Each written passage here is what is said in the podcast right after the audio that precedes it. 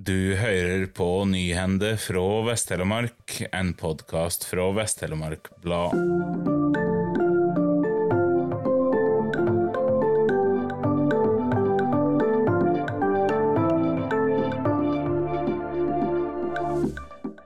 Marie Veslestaul fra Øyfjell imponerte igjen i helga.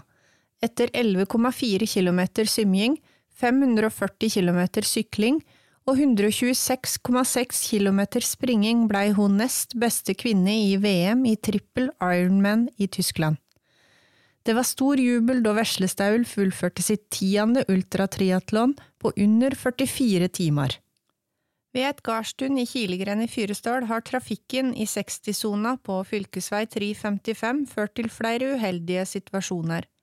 Tidligere i år ba Vestfold og Telemark fylkeskommune Vegvesenet sender framlegg om å sette ned fartsgrensa til 40 km i timen for dette området på høring.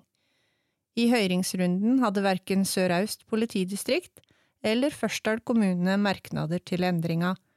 Nå er det vedtatt å sette ned fartsgrensa til 40 km i timen og har skilt der det står gardstun.